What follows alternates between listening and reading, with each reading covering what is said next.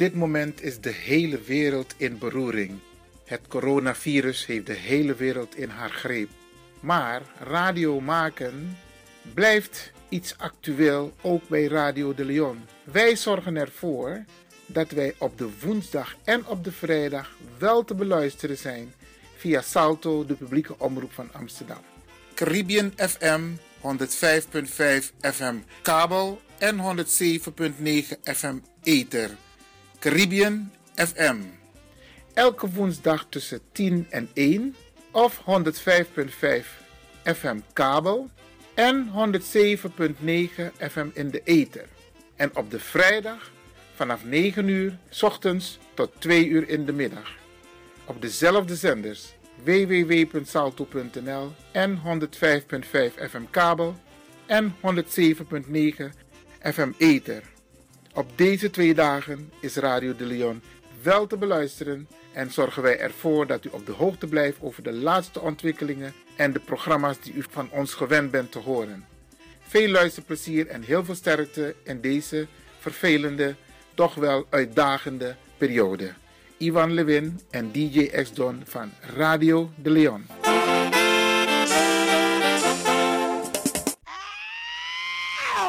Kom maar naar binnen. Wees welkom in je eigen wereld van Flashback. Een programma van DJ X-Don via Radio de Leon. Waarbij wij teruggaan in de tijd met muziek. Deelname als lid is simpel. Schrijf je in en doe mee. Met de vermelding van jouw naam en e-mail. E-mail djxdonmusic at gmail.com Even spellen.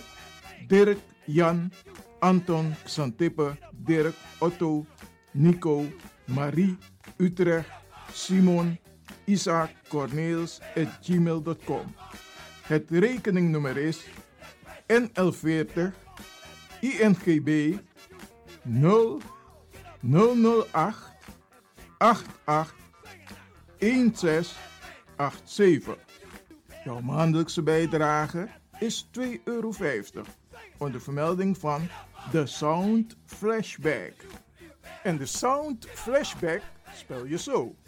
Tinus, hoofdletter T, Hendrik, Eduard, Simon, hoofdletter S, Otto, Utrecht, Nico, Dirk, Ferdinand, hoofdletter F, Leo, Anton, Simon, Hendrik, Bernard, hoofdletter B, Anton, Cornelis, Karel. De Sound Flashback. Wees welkom in je eigen wereld van Flashback.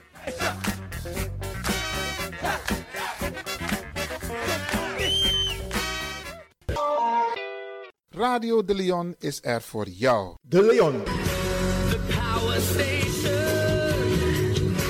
The power station. in Amsterdam.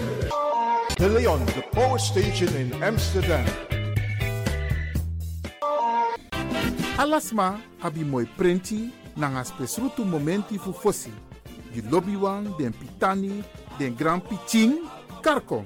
If you wani, dat Arkidosu de Leon e poti den moi prenki gisi fu you nanga you family in wan moi kino, fu you kan luku oten you wani.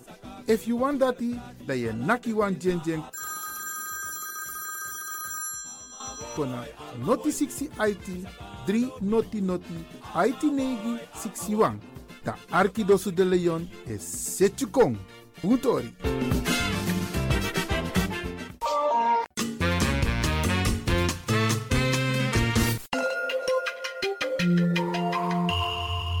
Je luistert naar Caribbean FM, de stem van Caribisch Amsterdam. Via kabel salto.nl en 107.9 FM in de ether. Op 25 mei 2020 zijn de verkiezingen voor volksvertegenwoordigers in Suriname. Dit zijn de namen van de politieke partijen die zullen deelnemen aan de verkiezingen op 25 mei in de Republiek Suriname.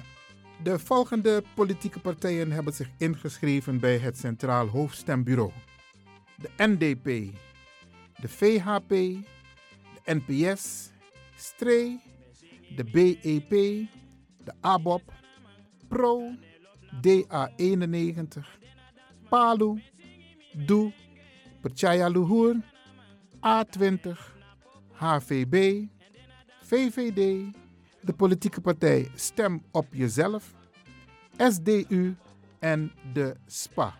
De voorzitter van het hoofdstembureau, dat is de districtscommissaris de heer Eugène G. Merkus, heeft aan alle deelnemende partijen voorafgaand de inschrijving de volgende mededeling gedaan. Een soort bekendmaking. En die zijn gebaseerd op de kiesregeling van het staatsbesluit van 1987, nummer 73. En die is laatstelijk gewijzigd bij staatsbesluit 2019, nummer 55. Waarbij dus alle politieke partijen een aantal documenten hadden moeten inleveren. En ik ga een paar van deze documenten voor u noemen, Bradangasa. Eigenlijk gebeurt dat bijna ook hetzelfde hier in Nederland.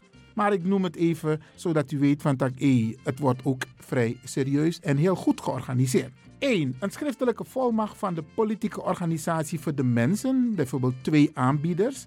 Die moeten dus gevolmacht zijn om de partij aan te melden. Die moeten natuurlijk een identiteitsbewijs van zich hebben of een kopie het bewijs van registratie in het openbaar register van het onafhankelijk kiesbureau conform artikel 7 van het decreet politieke organisatie staatsbesluit 1987 nummer 61.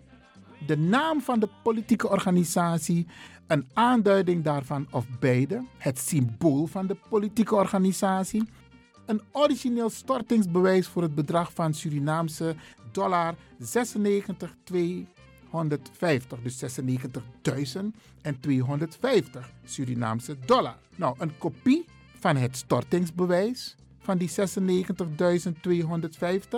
de statuten van de politieke organisatie, een opgave van de huidige bestuurssamenstelling, dus ze moet, alle namen moeten erbij vermeld staan, en het huidige adres van de politieke organisatie.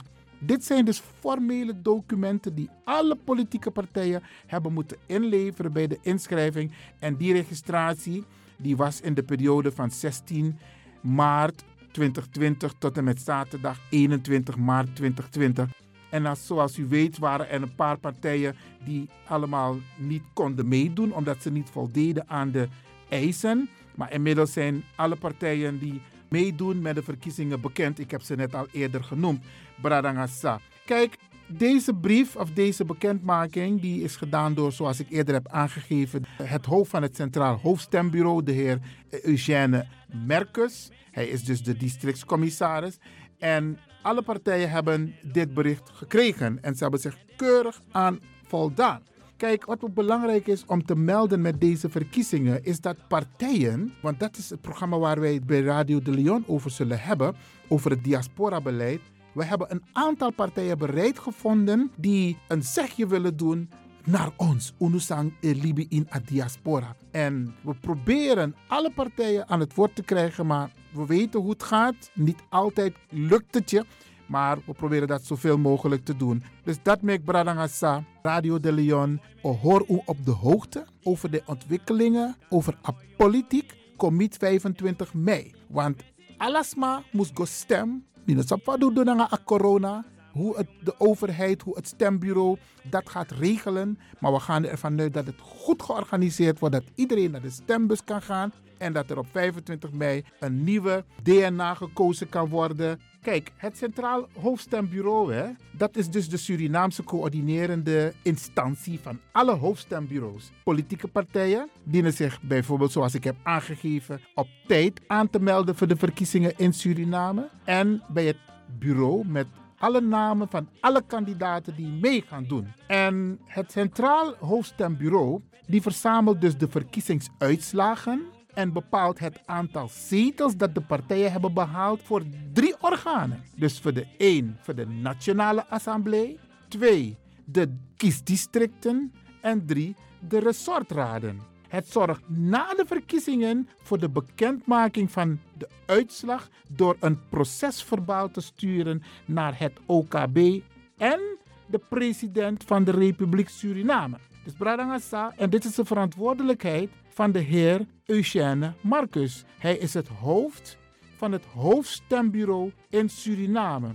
En eigenlijk coördineert hij alle districtscommissarissen, want in alle districten zijn dus de districtscommissarissen betrokken als het gaat om het verkiezingsproces in Suriname. Dus tussen Farah Bradangasa, informatie tasanego over de verkiezingen over Sernang. En na de politici wordt taki over a politiek beleid. Vandaag praat ik met de heer Gregory Rusland, partijleider van de Nationale Partij Suriname. En dit in het kader van de verkiezingen van 25 mei 2020. En dan is de intro als volgt. Suriname kent vanuit het oogpunt van de politiek sinds 2004 een beleid gericht op Suriname diaspora. Dat wil zeggen de NPS, VHP, toen de tijd de SPA en de LP, combinatie tijdens de Suriname districtendagen. Met de regeringsverklaring van 2010 is de betrokkenheid van de diaspora ingeconsolideerd. De diaspora werd opgeroepen om mee te denken in het kader van de ontwikkelingsdiplomatie van de Republiek Suriname. De PSA zag het licht, maar geen diaspora-departement nog. Ook nog geen observatiezetels in de DNA. Daarover zou ik vandaag willen praten met de heer Gregory Rusland. Van de diaspora wereldwijd, maar ook de Surinaamse, zijn vooral bekend en zeker in moeilijke tijden de support aan families die op een of andere manier ook de Surinaamse economie ten goede komen. Ik noem bijvoorbeeld onder andere geldtransporten, goederentransporten, deskundigheid, know-how, liefdadigheid en humanitaire projecten. Want je weet, heel veel Surinamers dragen bij aan projecten hier in Suriname. Dan heb ik een paar vragen voor de heer Gregory Rusland. En die vragen hebben te maken natuurlijk met de diaspora. En dan zouden wij graag willen weten, heeft de partij NPS een visie, een missie, strategie en een programma op het gebied van de diaspora? Zo ja, hoe luiden die in uw huidige partijprogramma? Wat is het resultaat geweest tot en met nu? En met welk aanvullend programma over een diaspora-beleid gaat u in 2020 de boel op? En het kan zijn dat sommige dingen nog in conceptfase zijn, dat die nog besproken moeten worden met de interne kernen. Kunnen wij nu al daarover met u van gedachten wisselen? Heeft uw partij een visie, missie en een strategie? Inderdaad is het zo dat een, uh, vanuit de NPS sowieso rekening wordt gehouden met de diaspora. Wij beseffen dat op dit moment, als we kijken naar de situatie, dan zien we dat ongeveer 500.000 tot 600.000 inwoners we hebben in Suriname. Maar dat zeker een aantal van, ik denk in de orde van 500.000 zelf, 400.000. Tussen de 4 en 400.000, ja uh, in Nederland wonen. En dan natuurlijk heb je dus daarbuiten ook nog mensen die in de Verenigde Staten en zo vertoeven, mensen van Surinaamse origine. Wat wij zeggen is dat Suriname een prachtig land is op deze wereld. En dat natuurlijk wij die hier wonen en werken, de rechten hebben om hier een goed leven te hebben. Maar dat we zeker ook rekening moeten houden met de Surinamers buiten Suriname. We hebben allemaal families in onder andere vooral Nederland. En wat ons betreft is het zo dat, zoals ik het ook vaker heb gezegd in Nederland, recentelijk bij mijn bezoek, dat onze families in Nederland moeten weten dat er een plek op deze wereld is. Waar ze eigenlijk anytime terug kunnen. Is net als wanneer je uit je ouderlijke woning gaat, vooral de meisjes, de vrouwen, dat je als vader aan ze zegt van als er één ding is dat er zou mogen gebeuren, moet je weten dat je hier altijd een plek hebt om terug te komen. En dat moet het ook zijn. Onze mensen ze zijn nu burgers van onder andere Nederland, maar we weten dat in ieder geval in behandeling en het gevoel zoals ik me dat voorstel, je toch voelt dat dat niet echt je huis is. Je werkt, je woont, je leeft daar. Maar er is altijd een band met Suriname. En dan praat ik over de generatie die vooral in Suriname is geboren en misschien ook de jeugd in Suriname heeft doorgebracht. De Kumate Berja. Ja, ja, ja. En natuurlijk heb je onze kinderen die misschien daar geboren zijn en geen enkele band verder hebben, maar ze weten ook aan de hand van de ervaring van de ouders en altijd de verhalen die verteld worden, dat die nieuwsgierigheid er is naar Suriname. In ieder geval is duidelijk dat wij ook voor onze families, laat me het zo zeggen, een situatie moeten creëren waarbij ze weten dat ze anytime terug kunnen of terecht kunnen. Dat betekent dat je dus een bepaald beleid zal moeten voeren. Maar in dat beleid zul je dus ook rekening moeten houden met de mensen die hier wonen en hun heel leven hebben doorgebracht, geboren zijn en dergelijke. Dat die toch ook een bepaalde status hebben in het land. Waarom ik dat zeg is dat wij redelijkerwijs niet kunnen verwachten, en soms misschien bestaat die indruk, dat wanneer mensen komen uit het buitenland, dat ze een bevoorrechte positie hebben. Wat mij betreft zou het moeten zijn dat ze in ieder geval niet als vreemdeling worden behandeld, maar dat ze wel dezelfde rechten hebben en plichten als de Surinamers die in Suriname zijn. maar dat zou onredelijk zijn. Misschien zou je dat even moeten nuanceren. Want het woord vreemdeling klinkt ongewenst in de oren van de Surinamers in de diaspora. Want we, zijn, we vinden dat we geen vreemdelingen zijn voor Suriname. Dat, dat kan ik u alvast mee. Maar zei ik vreemdelingen uh, vanuit de Surinamers die komen? Ik bedoel dus de mensen, onze mensen. Want ik zeg het zijn onze families. staat ik, vreemdeling. Oké, en ik zeg van wat mij betreft, praten we dus over onze families is closer dan Ja. vreemdelingen en dergelijke. En als dat zo staat, natuurlijk moet technisch, juridisch bekeken worden hoe je het definieert. Maar eh, in behandeling moeten het onze familieleden zijn, onze broers, onze zusters, ooms, Ja. tantes. Ja. eh, die hier ook een tandpijn moeten hebben. En die ook dan, wat mij betreft, de ruimte moeten hebben dat wanneer ze hun bijdrage willen leveren aan de ontwikkeling van Suriname, dat ze dat ook moeten krijgen. Dus dat is wat ons standpunt betreft. Ik moet zeggen dat voor wat betreft het beleid op dit moment, we staan aan de deur van een nieuwe verkiezing. 25 mei 2020 worden de verkiezingen gehouden. En je moet weten dat de NPS in Nederland is gestart met eh, wat wij noemen het platform Frambo. Wat dus eigenlijk de zaken van onze oude afdeling Nederland moet oppakken. En van daaruit ons moet vertegenwoordigen in Nederland. En wat wij doen natuurlijk is dat we op dit moment die, zeg maar, dat instituut, dat orgaan hebben gevraagd om hun bijdrage te leveren. Want wat we doen is, we, we kunnen het ook omkeren. Wij kunnen natuurlijk nadenken over wat moeten wij doen voor onze diaspora. Maar we willen ook weten van wat verwacht onze diaspora van ons. zegt van... En we hebben dus die input, input wordt verwerkt in ons verkiezingsprogramma. Begrijp ik goed dat u zegt van er is een afdeling in Nederland, Ja. Frambo, Stichting, ja, de, dus de plat, platform Frambo platform. Frambo, die input gaat leveren als het gaat om de diaspora. Wat zijn Absoluut. de wensen van de diaspora? Ja, daar kijken we naar uit. Kunt u, want daarnet had u het over dezelfde rechten en dezelfde plichten. Kunt u misschien een voorbeeld geven wat u precies bedoelt? Ik hoor anderen zeggen, jullie kunnen niet dezelfde rechten hebben. Ik noem bijvoorbeeld om te gaan stemmen. Nee, dus dat, dat, dat wil ik dan even nuanceren. Nuanceren, ja. Dus wat ik daarmee bedoelde is, ik heb het dan vooral over de bijdrage die de mensen wensen te leveren vaak om Suriname tot een beter land te maken. En dat ze die ruimte moeten krijgen. Maar natuurlijk zeg ik ook, ik heb aan het begin ook gezegd, je kan niet verwachten dat je one-on-one alles hebt als de mensen die hier wonen en werken. En dat is een van de zaken waarover gediscussieerd moet worden natuurlijk. Stemrecht en dergelijke. Hoe ver ga je daarmee? Tot op dit moment zul je Surinamer moeten zijn, de Surinaamse nationaliteit moeten hebben en in Suriname zijn om je stem uit te kunnen Ja. brengen. Tot op dit moment is dat de afspraak die we hebben en als het in de toekomst anders moet, dan zal dat natuurlijk bediscussieerd worden en dan zal er een besluit genomen worden daarover. Maar daar heb ik niet eens zoveel problemen mee. Ik weet ook niet als onze diaspora, onze mensen in het buitenland daar problemen mee eh, echt hebben. Ik zou denken dat men meer uitkijkt naar van Temiwan Konasrana, Temiwan liever mee bijdragen, moet ik niet gehinderd worden met wetten.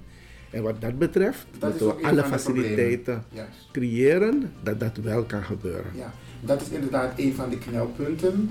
Ehm, de, omdat wij wa- waarschijnlijk in het buitenland verwend zijn met computers. En daarbij, als je een uitdracht wil hebben, dat je binnen een paar uur hebt.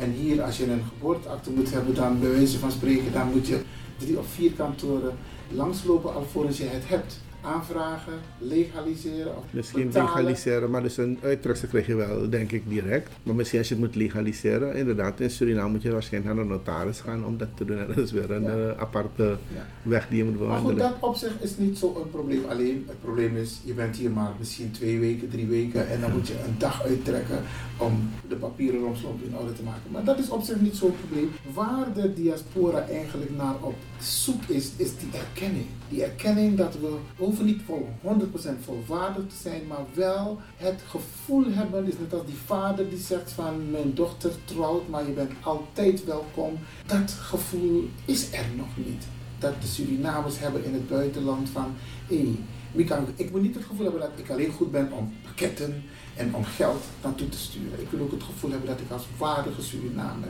welkom ben in Suriname. Ik moet zeggen dat wat ons betreft als NPS, dat dat zeker zaken zijn Zoals ik heb aangekondigd in, in dit interview al aan het begin, waarmee we zeker rekening houden, zeker onder deze leiding die er op dit moment is. En ik denk dat dat ook gezegd kan worden van het verleden. En als er hier en daar zaken zijn die uh, nog tot ontevredenheid leiden, dan moet er over gesproken worden en dan moet dat worden aangepakt. Ja, maar wat mij betreft nogmaals, moeten we alle faciliteiten creëren. Het zijn onze broers, onze zusters, onze families. En wat mij betreft moeten ze kunnen komen. Ja. En, zou, zaken doen. Zou de NPS bijvoorbeeld, want nu is de verkiezingen voor de deur staan, dit is, moet u ook zien in de vorm van een klein beetje beïnvloeden van het verkiezingsprogramma, ook van de NPS, richting de diaspora. Zou de NPS bereid zijn om een passage op te nemen in het verkiezingsprogramma, gericht ten aanzien van de diaspora?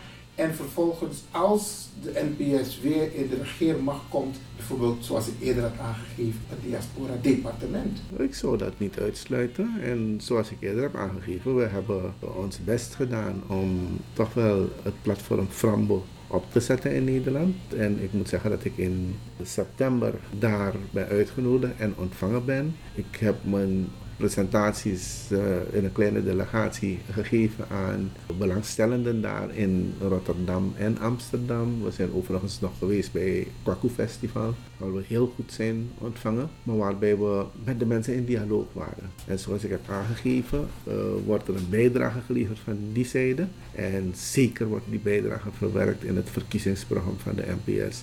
Ik focus me op Nederland nu, maar ik moet zeggen dat ik ook nog de vorige week in Miami een groep Surinamers heb ontmoet op hun verzoek. Dus Surinamers van, die nou in de US gewoond hebben, sommigen al langer dan 30, 40 jaar, die, geïnteresseerd, die geïnteresseerd zijn in wat er gebeurt in Suriname. En we hebben met ze gesproken en ook van hun verwachten we input om het beleid, welke in ieder geval vanuit de NPS zou moeten gaan, dat we daar uh, allemaal rekening mee houden. Dus als je vraagt van Wordt er aandacht besteed aan diaspora in ons verkiezingsprogramma? Absoluut wel. Oké, nou ik denk dat het heel fijn is uh, dat de luisteraars dit uit uw mond horen, de leider van de NPS.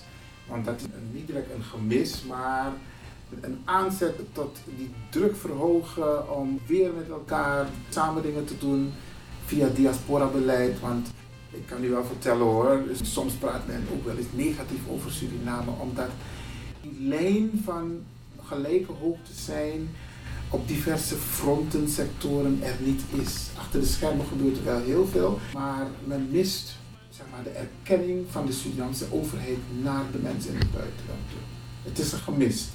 Ik ben blij dat u zegt van dit krijgt een onderdeel, dit wordt een onderdeel in het verkiezingsprogramma. Ja, ik denk dat um, we ook verplicht zijn aan onszelf om zoals ik zei, uh, ieder die een bijdrage wil leveren, als je nou in het buitenland bent of hier, als je het paspoort hebt of niet, als je die bijdrage wil leveren, dat je het moet kunnen leveren. Um, we kijken naar uh, de situatie waarin Suriname op dit moment is. Uh, waarbij wij vanuit de NPS de zaak bekijken en tot de conclusie komen dat er een behoorlijke ravage is aangelegd aan die economie van het land vanaf 2010 naar nu toe. Uh, waarbij we zien dat de leningen exorbitant hoog zijn geworden in de afgelopen 4, 5 jaar onder de huidige regering, de NDP-regering. En uh, dat het onacceptabel is dat we in die positie zijn beland. De productiesector is enorm achteruit gegaan. Er zijn alleen activiteiten die zelfs in onze tijd zijn opgestart en waar deze regering nog steeds van profiteert. En dan praat ik vooral over de activiteiten in de goudsector, in de aardoliesector. Dat zijn zaken die wij toch wel behoorlijk uh, ondersteund hebben in onze periode. En de diversificatie en de uitbreiding van die economie is enorm hard nodig. En we weten dat als je dat wil aanpakken, dat je veel meer mensen nodig hebt dan we op dit moment in Suriname hebben. En natuurlijk het eerste waar je naar kijkt, zijn je eigen mensen in het buitenland. En we praten over Nederland, daar zit de grootste groep. Maar dat zeg ik dus, waar de mensen een bijdrage willen leveren, moeten ze de ruimte krijgen, omdat dat in die end goed is voor Suriname, waarbij wij allemaal van zullen kunnen profiteren. Dus wat dat betreft alleen maar uh, dat gegeven dat wij op dit moment, eh, door die regering die er op dit moment is, in de grootste problemen zijn gebracht. Productie, onderwijs, gezondheidszorg, financiën en dergelijke. Betekent dat we alle hulp, alle ondersteuning die eh, zich aandient, Is de- moeten kunnen de- gebruiken. En dat opent de weg voor de diaspora om in te komen. Want als ik je zo hoor, bent u dus bereid om deskundigheid. En dan heb ik het, want er komt veel deskundigheid. Er komen ook, als ik in het vliegtuig zit, dan kijk ik om me heen en wat voor soort mensen zitten in het vliegtuig. En dan vraag ik me af, wat gaan deze mensen in Suriname doen? Ik zie veel witte mensen, ik zie veel Chinezen en ik zie enkele mensen uit diverse bevolkingsgroepen die in het vliegtuig zitten, een willekeurig vliegtuig richting Suriname. En dan denk ik bij mezelf, waar zitten onder deze mensen geen Surinamers met een bepaalde deskundigheid die een bijdrage kunnen leveren? Want de witte man wordt vaak naar Suriname gehaald om zijn deskundigheid, zijn expertise. Maar wij hebben ook diaspora mensen met die deskundigheid. En dan denk ik bij mezelf, in het diaspora-beleid zou je dan die deskundigheid kunnen gebruiken. Zeker. Kijk, ik denk dat je dus een situatie hebt waarbij je moet kijken naar wat moet Suriname doen om haar ontwikkeling krachtig ter hand te nemen. Als je dat bekijkt, zou je tot de conclusie komen dat deskundigheid gewenst is. En daarom zeg ik van bij prioriteit zouden we moeten kijken naar onze eigen mensen. Maar dat betekent niet dat als dat niet loopt, dat we niet verder moeten kijken. Toch? Ja, maar dat is een stukje erkenning. Maken we gebruik van onze eigen diaspora als het gaat om deskundigheid?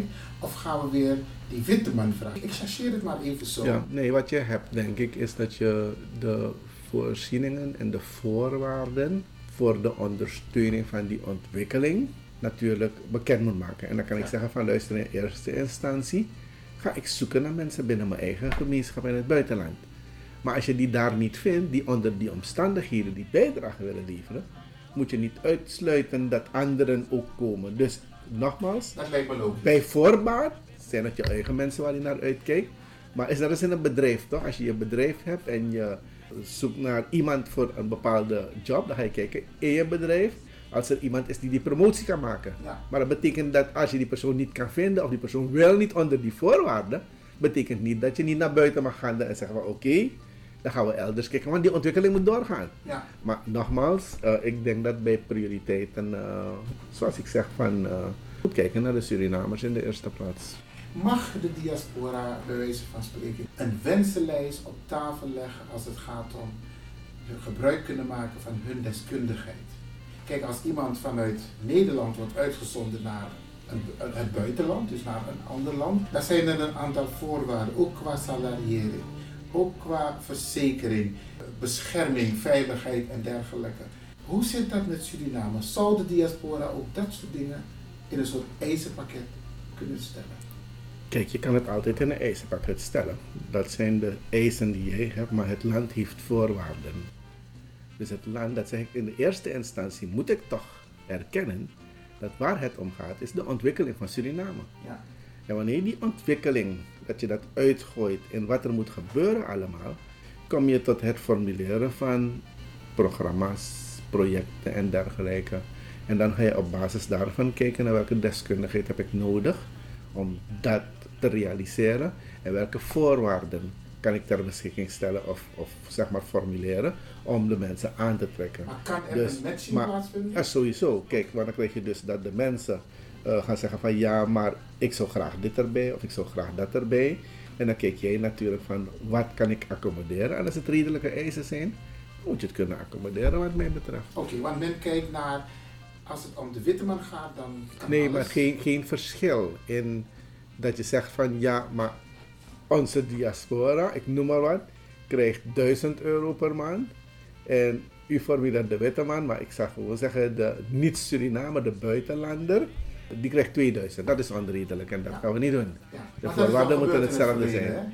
Oké, dus dan weet ik niet ervan. Wat ik wel weet is dat in het verleden was situaties, en daar ben ik zelf mee geconfronteerd.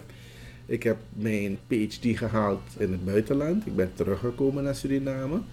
En ik werd gevraagd om een project te begeleiden met twee mensen uit de diaspora. Oké. Op een gegeven moment kwam het eh, ter discussie over, kwam de discussie over een honorarium. En wat blijkt? Ik werd aangeboden een bedrag dat een vijfde was van wat de man uit het buitenland zou krijgen. En ik zeg dat kan niet. Ik zeg, wat hebben jullie nodig om die job te doen? Ja, iemand die gepromoveerd is, iemand. En ik voldoe toch aan die voorwaarden. Waarom kan ik dat niet hebben? Ja, maar jij woont in Suriname en je levensstandaard is lager dan die man die uit Nederland komt. En ik zeg wel, ik doe het project. Als je mij een auto en een computer kan leveren tegen die lagere standaarden, dan wat die man in Nederland betaalt, zeg dan is het fair. Maar als die auto en die computer die ik moet kopen even duur is als wanneer ik het in Nederland zou komen, dan ga je me moeten betalen. En ik heb geweigerd om mee te werken. Na een paar maanden kwam men terug en die man zegt: Oké, we geven je dus wat we betalen aan mannen die uit het, buiten, mannen die uit het buitenland Ja, komen. maar u voelt Dus- hem al, hè? Van, maar daar dus moet geen discriminatie in zijn. Ook naar de Surinamers in Suriname toe. Ongelijke behandeling. Ja. De behandeling moet gelijk zijn. En ik zeg van wat we gaan doen is als wij de eh, match hebben gevonden tussen de opportunity, de job. En dat we weten van er zijn in de eerste plaats Surinamers in Nederland. Dus tussen aanhalingstekens met een Nederlandse nationaliteit. Van Surinaamse origine die het kunnen doen. Gaan we niet een keus maken voor iemand die helemaal uit een andere plek komt. Onder diezelfde voorwaarden. Ja. Dat gaat onze eerste keus zijn. Dat natuurlijk de Surinamer. Is de NPS bereid mee te denken, mee te werken aan een programma waarbij je Surinamers met een bepaalde deskundigheid structureel naar Suriname probeert te krijgen? Desnoods voor vijf jaar of voor tien jaar voor een bepaalde job. Wat mij betreft zou het heel interessant zijn, ja. Specifiek zeg- beleid, hè? dus je gaat op zoek naar mensen in de diaspora om een bijdrage te leveren aan de Suriname. Nogmaals, het passen in het hele gebeuren in Suriname. Wat ik zie gebeuren is dat als eh, op 25 mei 2020 het volk een besluit neemt om ons weer in het bestuur op te nemen, dan stel ik me zo voor dat er een aantal programma's en projecten uitgevoerd zullen moeten worden. Ja, Bepaalde van die zaken duren inderdaad vijf jaar, soms tien jaar en dergelijke.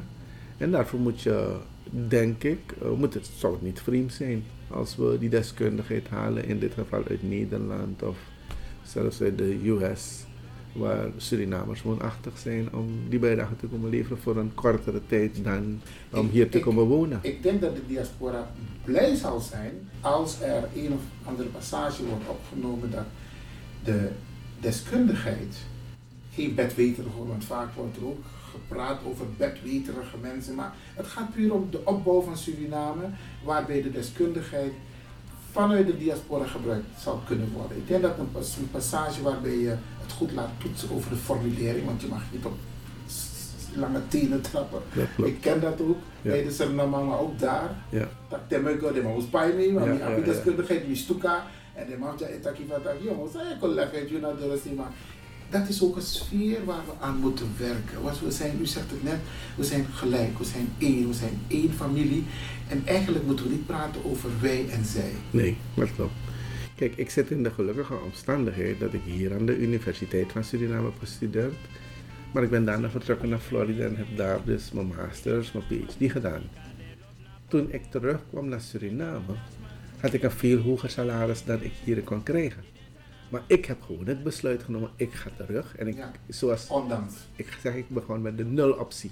Ja. En we gaan kijken waar we terechtkomen. En ik ben nog jong genoeg toen om te zeggen van luister, als ik het helemaal niet zie zitten, dan heb ik nog andere mogelijkheden. Maar ik begin terug te gaan. En ja, ik zeg, ik zeg niet dat iedereen dat moet doen. En ik begrijp ook dat sommige mensen zeggen van, dat ga ik niet doen. Ik moet direct betaald worden. Maar als je het risico wil nemen, zijn het toch wel heel interessante uitdagingen. En ik kan dat zeggen omdat ik zelf een product daarvan Ja. ben. Waarbij ik een bedrag kreeg toen van een paar duizend US dollars. En hier ben ik komen werken in die dagen voor nog geen 100 US dollars per maand. Veel mensen kunnen zich niet indenken, maar dat was toen in de begin 90 jaren. Ja. Na die militaire periode, de situatie. En we hebben hier, zal ik van de takking, een tekabita. Weet je, we hebben die situatie Ja. geaccepteerd, ingeslikt. We zijn doorgegaan om hier te blijven, om die bijdrage te leveren. Ja. En, en ik denk dat er altijd dat soort mensen zijn, want dat zien we nog steeds. Mensen komen terug En eh, zeggen van luister, ik besef dat ik hier met veel minder zou moeten doen. Voor die mensen in ieder geval staan de deuren altijd open. Die hebben geen problemen. Maar eh, als men zegt van ik wil internationaal betaald worden en dergelijke en die voorzieningen moet ik hebben. Uh, nogmaals, het zal naar redelijkheid en billijkheid bekeken moeten worden. Want als we voor bepaalde functies de expertise hebben, moeten we niet mensen die van buiten komen voortrekken boven mensen die hier zijn en om het zo te zeggen de nyamapina. En dan ga je ze overslaan. moet redelijk blijven. Dus het blijft het balanceren tussen al die issues die meespelen. Maar in die end, wat mij betreft, is de conclusie. We moeten zoveel mogelijk de barrières weghalen om onze mensen de ruimte te geven die met een Nederlands paspoort rondlopen, maar Surinamers zijn, om in Suriname hun bijdrage te kunnen leveren dat ze ook kunnen beschikken over, ze moeten hun, perceel kunnen kopen, ze moeten een huis kunnen kopen zonder problemen, wat nu soms een probleem is, begrijp ik. Maar al die uh, situaties, daar moet aan gewerkt worden om de zaak toch wel uh, naar alle redelijkheid en billijkheid uh, in te richten. Ja. Ik denk dat u duidelijk bent wat betreft dit punt. Het is, het is even matchen, het is even kijken van water bij de wijn van beide kanten. Absoluut. Maar ook het begrijpelijk vertellen aan de mensen hier. Want mensen moeten niet het gevoel hebben van dat de mij konja, de mij tek de rokofuno en de mij tek amonifuno. Ja. Dus, dus het is een en-en. Er zijn een aantal issues die we nu niet gaan bespreken, maar waar wellicht de, de NPS over na kan denken in de toekomst. Als je zegt van Iwan, ik wil hierop zeker terugkomen, geweldig. Dan wil ik je desnoods een keertje bellen hierover vanuit de studio om daar live over te praten. We hoeven er nu niet op in te gaan. Maar in Nederland zijn wij dus bezig met het repareren van de AOW-wet. De Algemene Ouderdomswet in Nederland. Mensen die geen volledige AOW hebben, krijgen een aanvulling. Dat is een AIO, een aanvulling op het inkomen van de ouderen. Wat blijkt? De AIO is een bijstandswet. En de bijstandswet in Nederland is gebonden aan een aantal restricties. Je kan het niet exporteren. Je mag wel maximaal drie maanden in het buitenland blijven, maar als je langer blijft, krijg je die aanvulling niet. Heel veel Surinamers hebben een AOW gehad in Nederland. En heel veel Surinamers hier in Suriname hebben geen AOW-uitkering kunnen krijgen. Zo is het toen de tijd geregeld. Wat ik zou willen vragen aan u is om mee te denken, de komende periode, hoe we vanuit Suriname een bijdrage kunnen leveren om die AOW-wet in Nederland te laten repareren. Mijn ervaring is dat Nederland alleen in beweging komt als er gedemonstreerd wordt, als er acties zijn, maar ook als er druk komt vanuit het buitenland. En ik denk dat ze, als ze een, een, een vraagstelling of de druk krijgen vanuit Suriname, dat ze wel degelijk bereid zijn, bereid zijn om hierover te praten. Waarop mijn vraag is, is de NPS bereid na de verkiezingen weer on speaking terms te komen met Nederland? Bestuur, niveau? On speaking terms uh, denk ik wel. Um, we vinden het uh, niet goed dat op dit moment uh, Suriname niet eens op het niveau van ambassadeur uh, uitwisseling heeft. Dat is kwalijk. al is het alleen maar omdat, zoals we aan het begin zeiden, 400.000 Surinamers in Nederland wonen dan zou je toch uh, wel op het niveau van een ambassadeur moeten kunnen samenwerken. We zijn wel voorstander van een zakelijke relatie met Nederland, maar het mag wel best wel op een hoger niveau dan een zaakgelastigde zoals we dat nu hebben. Dus wat de NPS betreft, denk ik dat we binnen de kortste keren uh, die situatie zullen herstellen. Uh, ten aanzien van de ondersteuning die wij zouden moeten geven om uh, onze mensen in Nederland beter te kunnen accommoderen, denk ik dat dat absoluut geen probleem zou zijn. Ik denk dat dat wel in overleg met ja. onze mensen zou moeten gebeuren, zodat zij ons ook kunnen aangeven uh, hoe zij die ondersteuning van Suriname uitzien. En uh, waar mogelijk natuurlijk moeten we, zoals ik eerder zei, altijd die ondersteuning aan onze mensen hebben, geven om het beter te hebben. Oké. Okay.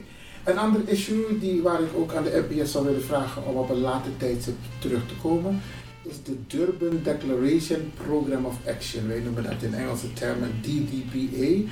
Dat is een, resolutietekst die in de nacht van 8 op 9 september is aangenomen door de lidstaten van de Verenigde Naties. Maar u weet het, net als iedereen, op 11 september was het wereldnieuws dat de Twin Towers werden neergehaald, waardoor dit succes op de achtergrond is gekomen. Tegelijkertijd um, hebben de landen in Europa de handen ineengeslagen en gezegd van wij gaan toch niet over tot repareren van de schade die is aangericht ten tijde van de slavernij, slavenhandel en koloniale periode. Want dat is benoemd door de VN-lidstaten, inclusief Europa, Crime Against Humanity. Dus eigenlijk een beetje discrepantie. Je spreekt elkaar eigenlijk tegen. Wij willen graag dat ook Suriname haar stem laat horen. In dit geval gebeurt het al via de heer Sunder, die in regionaal verband gezamenlijk richting Europa optreedt.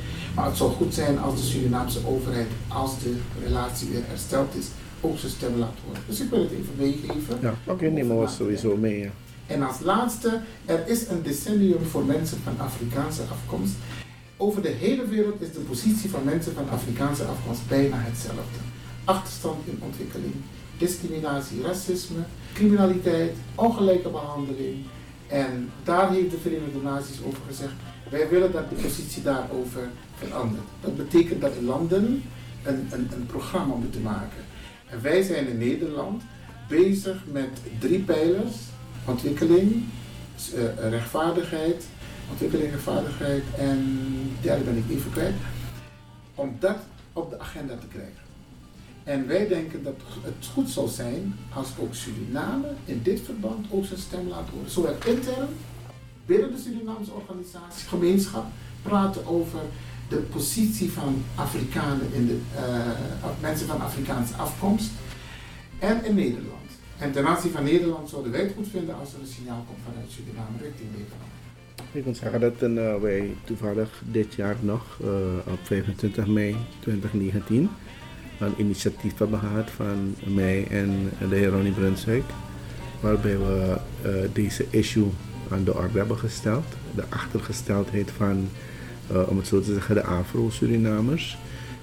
en wat we moeten doen om ervoor te zorgen dat er ook nog aandacht wordt besteed aan die groep, zodat bepaalde situaties die er zijn in Suriname, dat die verholpen kunnen worden. Waar we naar moeten kijken, Suriname is een multi-etnische samenleving. En we haasten ons direct om te zeggen dat alle bevolkingsgroepen en godsdiensten uh, gelijke mogelijkheden moeten hebben, gelijke basis moeten hebben in Suriname om samen te kunnen gaan. Maar wanneer we merken dat één groep problemen heeft om mee te doen aan het zeg maar, verbeteren van de situatie in het land overal, dan moet speciale aandacht aan die groep besteed worden.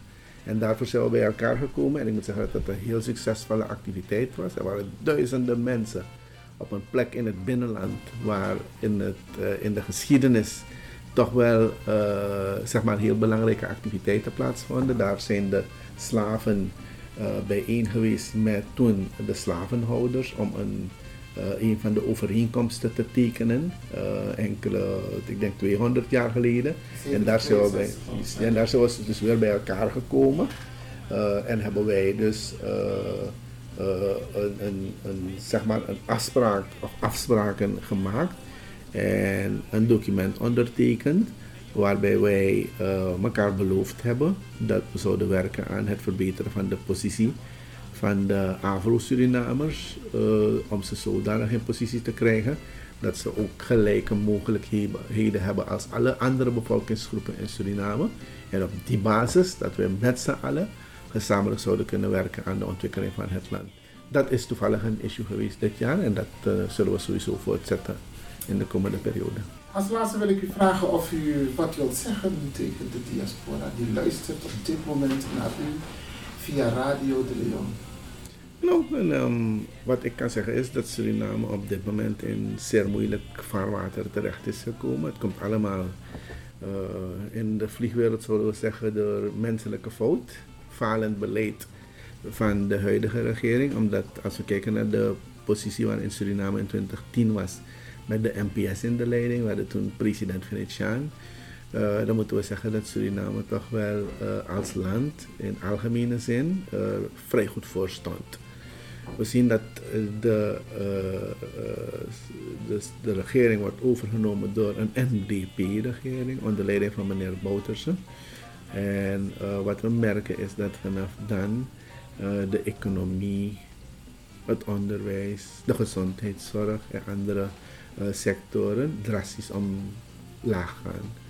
We zien dat zelfs de koersontwikkeling is geweest. We hebben tien jaar lang een koers van 280 SRD Surinaamse dollar tegen de US dollar kunnen aanhouden. Onder zeer gezonde omstandigheden. We hadden genoeg reserves bij de centrale bank en dergelijke. En we zien dat in die 9 tot 10 jaar de huidige regering het heeft kunnen brengen naar 1 op 8,50. En dat is zeer kunstmatig. Uh, vooral om te gaan naar de verkiezingen, waarbij men probeert natuurlijk om geen uh, uitspattingen te krijgen en natuurlijk met enorm groter verlies dan men, wij, wij nu al verwachten. Um, we zien dat uh, de gezondheidszorg waar in 2010 uh, mensen uit de regio naar Suriname kwamen voor behandeling, dat vandaag de dag we de eenvoudige uh, zeg maar medicamenten en dergelijke ontbreken en, enzovoorts. Suriname is een moeilijk vaarwater gekomen en wat we zeggen is dat bij de verkiezingen die over vijf maanden zullen plaatsvinden, dat wij in ieder geval moeten zorgen dat de NPS weer in de regering komt, omdat wij uh, hebben bewezen dat in de afgelopen 30 jaar, zodra er een situatie was zoals we dat nu hebben, nu is het wel veel erger, maar dat het land weer bankroet is, alles in de chaos, door juist dezelfde regering die we nu hebben, dat het steeds weer de NPS was die heeft kunnen zorgen voor goed beleid om ons uit het slop te halen. Nu zitten we weer in een benarde situatie, dus ik denk dat je niet moet experimenteren en dat we terug zullen moeten gaan naar de NPS. En wij roepen natuurlijk alle Surinamers, of waar u ook bent, om uw bijdrage te leveren, zodat de NPS weer in die positie komt om te gaan arbeiden aan een beter Suriname. En uh, mensen in diaspora hebben natuurlijk een bijzondere bijdrage te leveren, omdat ze toch wel invloed kunnen uitoefenen op families hier die naar de stembus moeten gaan, om niet te stemmen voor een moment, maar om te stemmen voor hun eigen omstandigheden, om die te verbeteren, maar vooral voor de omstandigheden van hun kinderen en kleinkinderen. Omdat we zeggen van wat wij vandaag doen, onze generatie moet ervoor zorgen dat de kinderen en kleinkinderen die na ons komen, een beter Suriname aantreffen dan wij zijn komen aantreffen. Op dit moment is dat niet het geval. Ze worden opgezadeld met schulden die heel lang betaald zullen moeten worden door onze kinderen. Wij wensen die situatie te keren. De NPS is nodig en wij doen een oproep aan de diaspora om ons daarin te ondersteunen. Mooi. Ik ga u succes wensen met de komende verkiezingen. En ik wil u bedanken voor dit uh, interview, speciaal voor Radio de Leon, in verband met de verkiezingen op 25 mei 2020. Graag Graag gedaan. En de groeten aan onze families. Met balu allemaal die. Eh, met een grand van ondersteuning die wij aan. Dit was dus een gesprek met de leider van de Nationale Partij Suriname, de heer Gregory Rusland, in het kader van de verkiezingen op 25 mei 2020. Hier bij Radio de Leon. Right now, I'm feeling like a lion. There's no place, no place like home.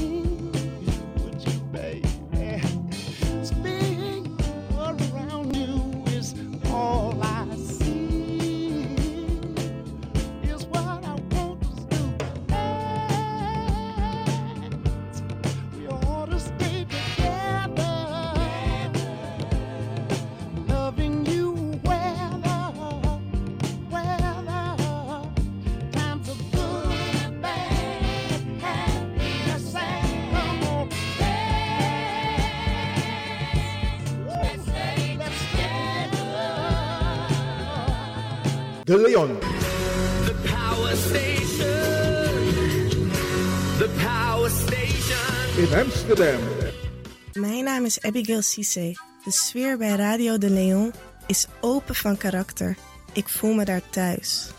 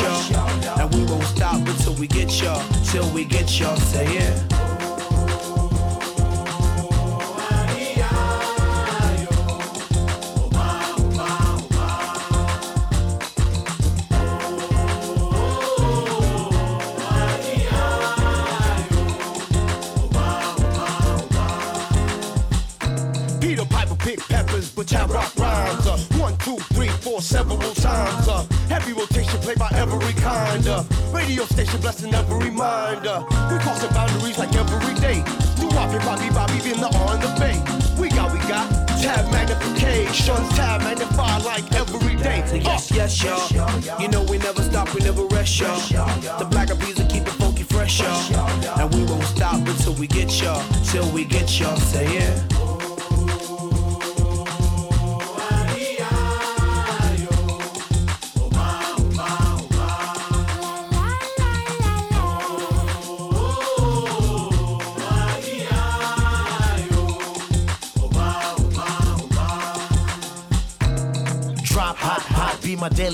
Daily. Gotta put in work in this crazy occupation. Gotta keep it moving. That's the motivation. Gotta ride the waves and keep a tight relation with my team. Keep it moving and doing it right. Up in the lab every day till daylight. That's the way things move in this monkey business. We took an old samba song and remixed it.